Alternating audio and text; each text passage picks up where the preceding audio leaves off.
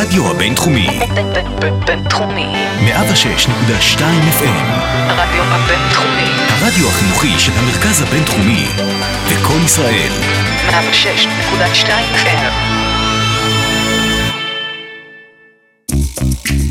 FoodTech Nation.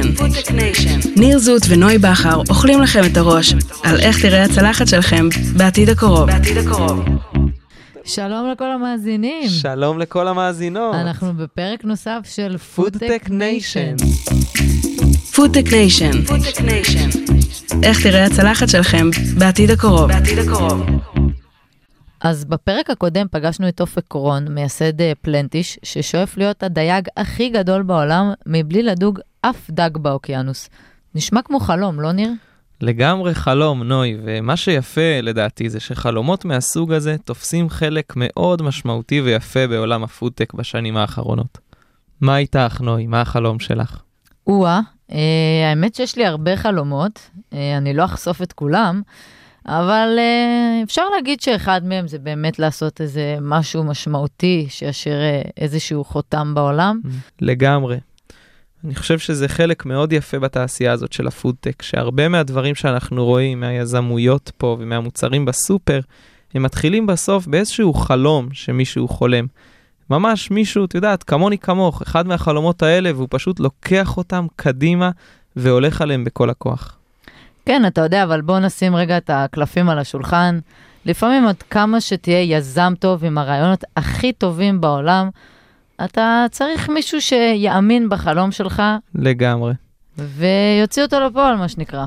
לגמרי.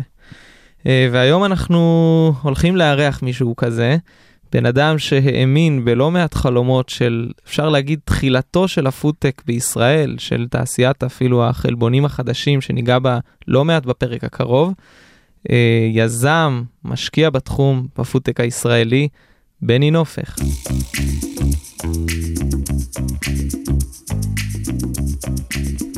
שלום, בני נופך, יזם ומשקיע מוביל אה, בפודטק הישראלי, מייסד קרן השקעות בתחום. מה שלומך, בני? מעולה, מה נשמע נוי? אהלן ניר. אהלן בני, מה שלומך? טוב, תודה, שמח להיות פה. כן, כיף גדול, כיף שאתה מגיע אלינו. אנחנו חושבים שאחרי באמת הפעם קודמת שהיה לנו פה את אה, אופק רון, יזם בתחום, אז uh, ככה חשוב להבין שכל uh, יזם כזה זה בעצם, uh, הוא מגיע עם איזשהו חלום, איזשהו רעיון, מגבש גם צוות, ואחר כך הוא צריך את הבן אדם הזה שיאמין בו. מה שנקרא, לא מספיק רק היזם, צריך גם את מי שישקיע בו. אני חושב שאתה אחד מהאנשים הראשונים בעולם שבאמת הכניס את היד לכיס והאמין במיזמים שמייצרים את, ה, את אותם המאכלים, את אותם המוצרים שלא יגיעו מבעלי חיים. בימים שעשית את זה לא היה שום דבר וגם לא היה קרוב לאיזושהי תוצאה, לא ראית איזה סטייק כמו שהיום אנחנו רואים וכל אחד יכול להבין שיש פה משהו גדול. איך נכון. הרגשת באותה תקופה? מה גרם לך לעשות מהלך כל כך אה, מטורף? גם בוא סליחה. ניתן רקע, אתה כן. לא ביולוג. אתה נכון, לא, לגמרי. אתה לא מדען, אתה בן אדם שזיהה פה בעיה וצורך. נכון, אה, אני האמת היא בוגר של המרכז הבינתחומי. אותי הביא לתחום אה, עניין אישי, היה לי את, ה, את הזכות אה, להבין שמערכות המזון הגלובליות אה, בעצם אה, רצות בעיניים פקוחות לרווחה לתוך קיר. אה, כשהן מסתמכות על בעלי חיים כאמצעי לייצור מזון. זה היה בסביבות 2011, אה, כשאני אישית נחשפתי למידע הזה, שבעצם אומר שבעלי חיים אה, גורמים להמון המון, אה, ג- גידול תעשייתי של בעלי חיים בעצם גורם להמון המון מהרעות החולות אה, אה, בעולם כיום, בכלכלה הגלובלית, אם זה השפעה על הסביבה, אה, שימוש יתר באנטיביוטיקה, אובדן של אה, אה, אה, שטחי מחיה אה, ו- ויערות וכיוצא בזה. אה, וכשבעצם אני נחשפתי לנתונים האלה, אני הבנתי שהכיוון הוא לא טוב, והתחלתי לחפש פתרונות. זה פחות או יותר מה שהביא אותי, היה רגע ההבנה הזאתי לתחום. מדברים על 2011, לפני עשר שנים. מה ש... שהיה עוד בחיתולים, כל התחום הזה. אה, התחום של הפודטק, אני לא חושב שהוא היה בחיתולים אפילו. אנשים, אה, אני זוכר תקופה ארוכה שאמרתי לאנשים פודטק, ואף אחד לא הבין למה אני מכניס לו tech ל- ל- לצלחת, ו... um, אז אני חושב שזה היה אפילו לפני החיתולים. Uh, זה היה בתקופה שאנשים התחילו להבין באמת uh, שיש פה בעיה, um, שצריך להתחיל אה, להתמודד איתה. אז, כשאתה אה, נכנסת לתחום, כמה חברות פודטק אה, היו בישראל? אמ, לא הרבה, אני אגיד לך מה, התעשייה עצמה כתעשיית פודטק ישראלית, אה, לדעתי התחילה אי שם בסביבות 2015, 2016, אבל אני חושב שבאמת עם, עם, עם הכניסה של אה, שחקנים משמעותיים לתחום, רשות החדשנות, פרויקט החממות, קונגלומרטים גדולים שהתחילו להתעסק בזה באופן אקטיבי, ב, ביצירת חדשנות אה, אה, והטמעה שלה בת, ש- ב- ב- בתהליכים שלהם, אז באמת התחילה להתווצר פה אה, תעשייה. נקודה טובה, נגיד באמת שבפרק הבא אנחנו נארח כאן את אחת החממות שמובילים באמת את התעשייה הזאת. זה באמת מעניין, אני לא סתם אה, שאלתי גם כמה חברות היו. אני, חלק מהשיחות שלי ביום-יום עם אנשים זה על אה, נושא הפודטק. ושיחה האחרונה שניהלתי בשבוע האחרון עם אה, מישהי יחסית רנדומלית, אמרתי לה, כן, אני מאוד מתעניינת בתחום הפודטק, את יודעת, זה טכנולוגיה ומזון, והיא אומרת לי, איזה טכנולוגיה ומזון? איך אפשר לקרוא לזה טכנולוגיה? מה אתה יכול להגיד לה על זה? אה, וואו. אה, תשמעי, אני, אני אתחיל מאמרה אה, שאולי תפתיע הרבה אנשים, אבל אני מאתגר אותה להיכנס היום לסופר ולחפש מוצר אחד שלא עבר איזשהו סוג של מניפולציה אנושית. אה, ואין היום אה, הרבה בני אדם שצורכים אה, דברים שפשוט צמחו באופן טבעי.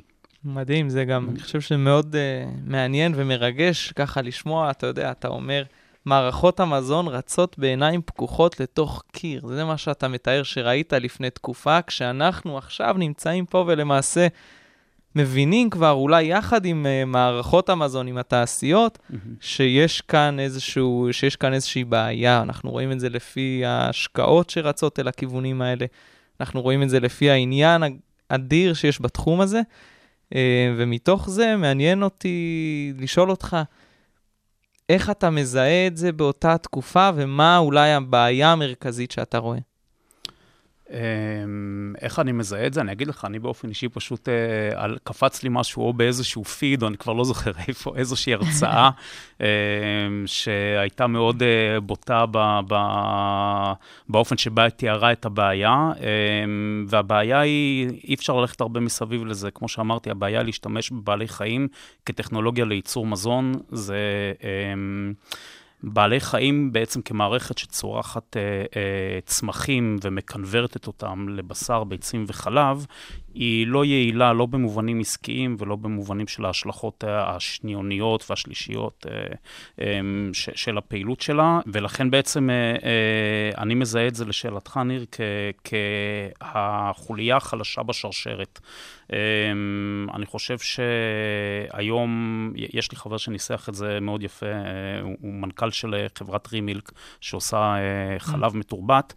הוא ניסח את זה לאחרונה מאוד מאוד יפה, 50 אחוז מכל השטחים החקלאיים בעולם מנוצלים כיום לגידול uh, תעשייתי של בעלי חיים ו/או אה, מזון לאותם בעלי חיים. 50 אחוז מכל האדמה על, כדור, על הכדור שלנו. נתון אה, מטורף. נתון מטורף, ו- ורוצה לשמוע משהו עוד יותר מטורף, כל התחזיות, בלי יוצא מן הכלל, אין על זה שום ויכוח, אומרות שבשלושים שנה הקרובות הביקוש לבשר, ביצים וחלב הולך להכפיל את עצמו. החשבון הוא פשוט, 50 אחוז כפול 2 זה 100 אחוז מכל השטחים על כדור הארץ. אי אפשר להמשיך לגדל ככה מזון. למזלנו, אנחנו נמצאים היום במצב שבו הטכנולוגיה והמדע האנושיים הגיעו לאיזושהי רמת בשלות, שאנחנו כבר מצליחים לראות איך אנחנו מייצרים את אותם מוצרים, או יותר טוב, באותו המחיר, או יותר זול. ולכן אנחנו כבר מתחילים לראות בבירור איך בשנים הקרובות אנחנו הולכים להתגרש מבעלי החיים אה, כאמצעי לייצור מזון ולהתקדם לדברים הרבה יותר מקיימים, מזינים, ואתם יודעים מה? גם הרבה יותר טעימים. זאת אומרת שסוף סוף יש איזושהי אבולוציה בהתערבות האנושית אה, שלנו, גם כצרכנים, גם כיוצרים, אפשר להגיד, אה, ולהביא אותה למשהו פשוט יותר טוב. נכון. נכון, אנחנו, זה. אנחנו ראינו את זה בהרבה תעשיות אחרות. אה, טכנולוגיה, יש לה אה, איזשהו כישרון אה, מדהים אה, לקחת משהו שעד עכשיו שחשבנו שהוא מובן מאליו ושאי אפשר לחיות בלעדיו, ופתאום לבוא ולהראות לנו שכן, אנחנו יכולים לעשות יותר טוב. אז בני, בתור אחד שיודע לראות את הדברים, יודע לזהות את הבעיה וגם חושב קדימה על הפתרון, מה גורם לך להשקיע באותו יזם סלש מיזם אה, בתחום הפודטק? שאלה מצוינת. אני בעצם, יש לי איזושהי מנטרה שאני תמיד אה, אומר לעצמי, והיא, אני מחפש פתרונות שמאפשרים לכמה שיותר אנשים לאכול כמה שפחות בעלי חיים, כמה שיותר מהר ולטווח כמה שיותר ארוך.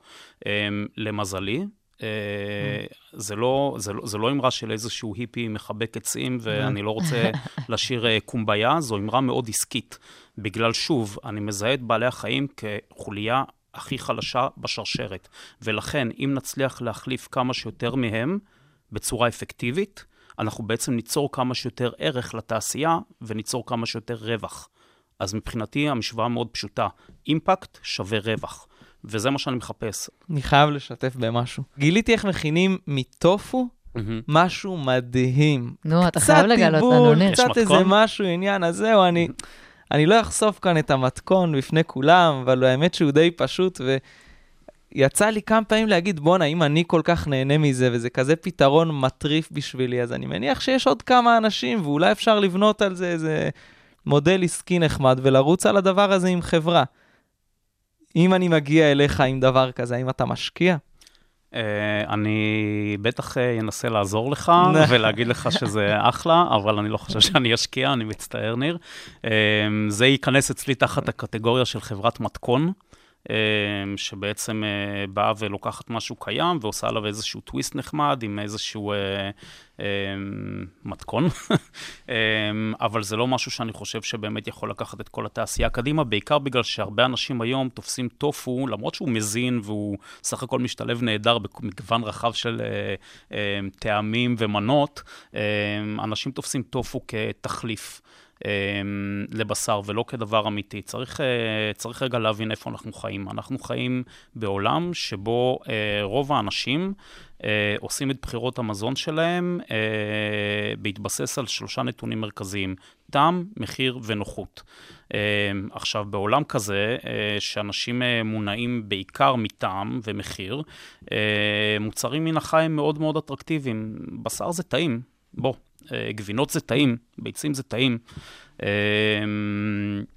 ולכן בעצם המחשבה שאנחנו נוכל לגרום לאנשים לאכול תחליפים, אה, רק בעצם זה שנסביר להם שזה עדיף, אה, או שנעטוף את התחליפים באיזשהו תבלין אה, בטעם בייקון, או אני לא יודע מה, זה, זה, זה קצת חוטא לאמת, בגלל שאת המסות הגדולות אנחנו לא נצליח להזיז מתזונה של בעלי חיים לעבר תזונה של תחליפים. שוב, כי, כי, כי בהגדרה, תחליף זה תחליף. ולא הדבר האמיתי. ולכן רוב הציבור תמיד יחשוב שהוא מפסיד איזשהו משהו כשהוא אוכל תחליף. לכן כל התיאוריה מסביב לתעשייה שלנו היא לנסות ולהביא את הדבר האמיתי, או כמה שיותר קרוב לדבר האמיתי, בשביל לאפשר לצרכנים לא להתפשר על כלום, לא על טעם, לא על מחיר, לא על נוחות בתוך המתכונים שהם גם ככה מכירים. אז uh, בגדול, במקום לעשות סטייק טופו, uh, בואו נחשוב על איך אנחנו עושים סטייק, רק בלי הפרה.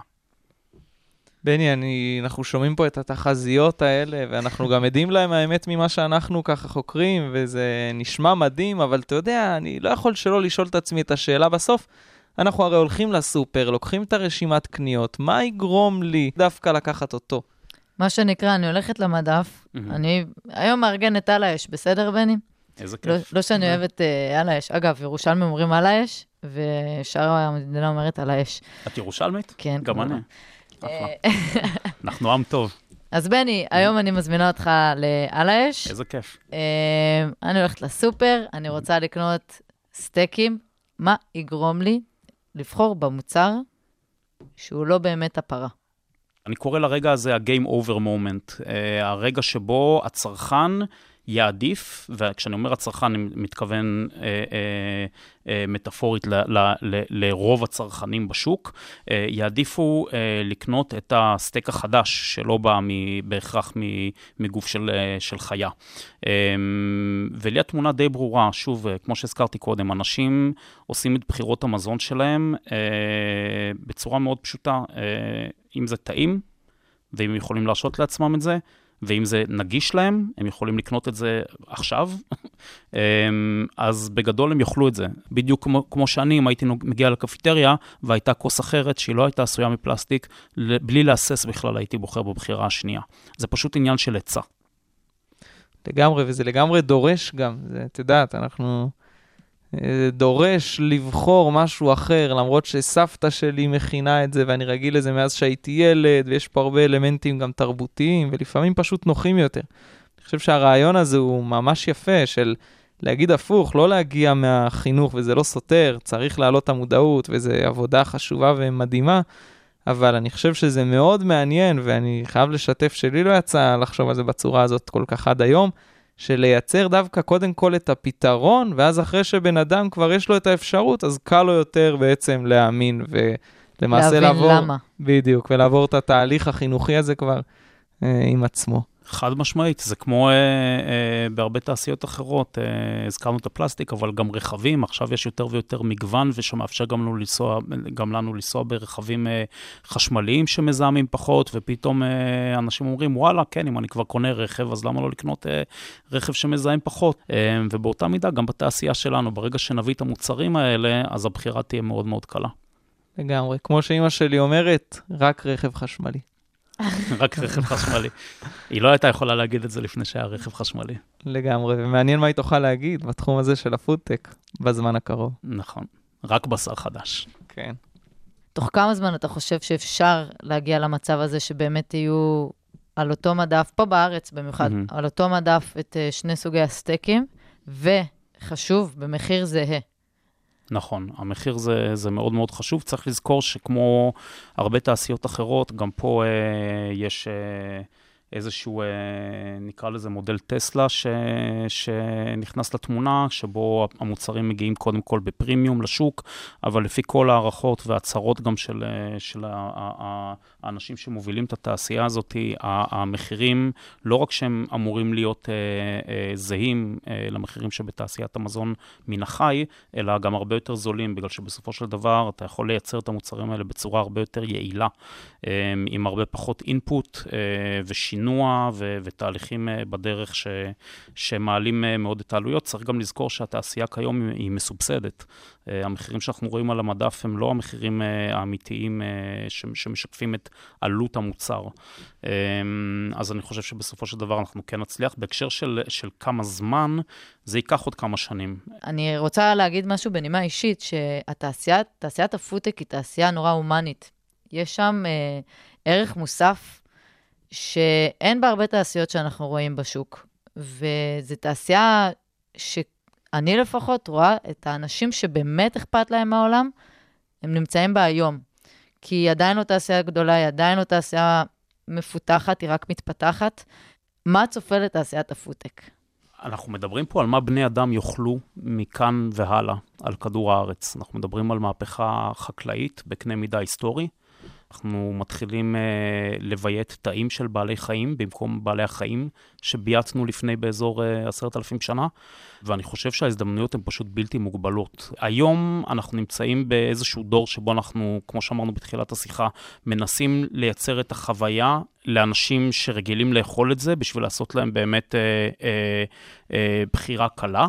אבל זה רק הדור הראשון. הדור הבא אה, הולך להיות אה, אה, מרוץ אחר טעמים, מרקמים אה, וחוויות קולינריות אה, ותזונתיות חדשות, שאנחנו לא מדמיינים בכלל עדיין היום. אני חושב באמת שאנחנו נמצאים לפני לא פחות מרנסאנס. של מה שבני אדם הולכים לאכול, ולכן אני אישית מאוד מאוד אופטימי אה, שהדורות הבאים אה, ייהנו ממגוון עצום של מזון מקיים, בריא וטעים לאללה. מעניין אותי לדעת אם אתה רואה פה איזשהו אה, פוטנציאל לשיתוף פעולה בינלאומי, כי הרי הבעיות שאנחנו מדברים עליהן הן חוצות מדינות, זה לא שהבעיה נש... יודעת רק עברית והיא לא נשארת בגבול של מדינה אחת.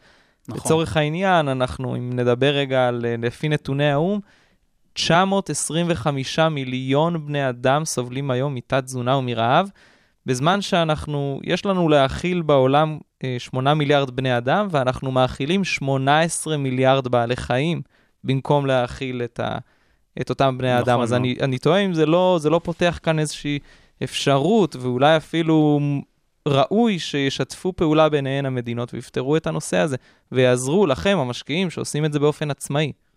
אמ, חד משמעית. אמ, תשמע, הבעיות אה, של, של תזונה, אקלים, חיידקים עמידים לאנטיביוטיקה, ביעור יערות, אובדן ביודייברסיטי בעולם, כל אלה הם בעיות גלובליות אמ, שלא ייפתרו אלא אם נשתף פעולה. אה, כמו שאתה אומר, מדינות באמת צריכות אה, להתכנס ביחד ולראות איך פותרים את הבעיה הזאת ואיך מדברים אה, על הפרה שבחדר. תשמע, אנחנו נמצאים בעידן שבו אנחנו כבר יודעים טכנולוגית איך אפשר להכיל את כולם. הכיוון הוא ברור. Um, הזכרת, מה זה היה? 925 מיליון אנשים רעבים על כדור הארץ? לפי נתוני האו"ם. וואו, אני לא הייתי מודע בכלל למספר הזה, זה הזיה בעיניי, בגלל שתראה לי uh, פרה אחת רעבה באיזשהו משק. זה נשמע למישהו הגיוני? אני באמת לא מבין איך, אה, איך, איך אנחנו נמצאים במצב כזה, ואף אחד לא דופק על שולחן. Um, אנחנו באמת יכולים היום uh, לחיות בעולם שבו... אמ, אין אנשים רעבים, אה, הסויה שמאכילים בה את הפרות יכולה להיות אה, מחר מוצרי מזון מזינים וטעימים, אמ, ולכן מבחינתי זה, זה משהו שעדיף שיקרה מוקדם ממאוחר. לכן אני חושב שבטח צריך אה, לעשות מאמץ גלובלי, ויפה שעה אחת קודם. אתה אומר להוציא את הפרה מהחדר. להוציא את הפרה מהחדר, בדיוק. בני נופך, תודה רבה לך על כל המילים האלה. אה, ועל אה, כל המידע ששפכת עלינו. המון תודה לכם שהזמנתם אותי, ממש כיף. כיף גם לראות את התוכנית הזאת אה, קורמת עור וגידים, אפשר לקרוא לזה ככה, טבעוניים או מהצומח או כן. מתרביות תאים, אה, ובאמת אה, אה, יוצאת לדרך ועושה אימפקט כזה. אה, אני מאחל לכם שתמשיכו ותצליחו באמת אה, למקד את הדיון בטכנולוגיות הנפלאות האלה ולשמר את ישראל כמובילה בתחום לטווח הרחוק. תודה רבה. תודה לכם. אז הגענו לסיומו של עוד פרק בפודקאסט FoodTech Nation. תודה רבה לכם שהאזנתם לנו, תודה לך, ניר. תודה לך, נוי, תודה רבה. תודה לבני שהיה איתנו כאן. אה, אני חושב שזה הזמן להגיד מה יהיה בפרק הבא שלנו. לא, לא, לא, בלי ספוילרים. טוב, אז... אה, נתראה בפרק הבא.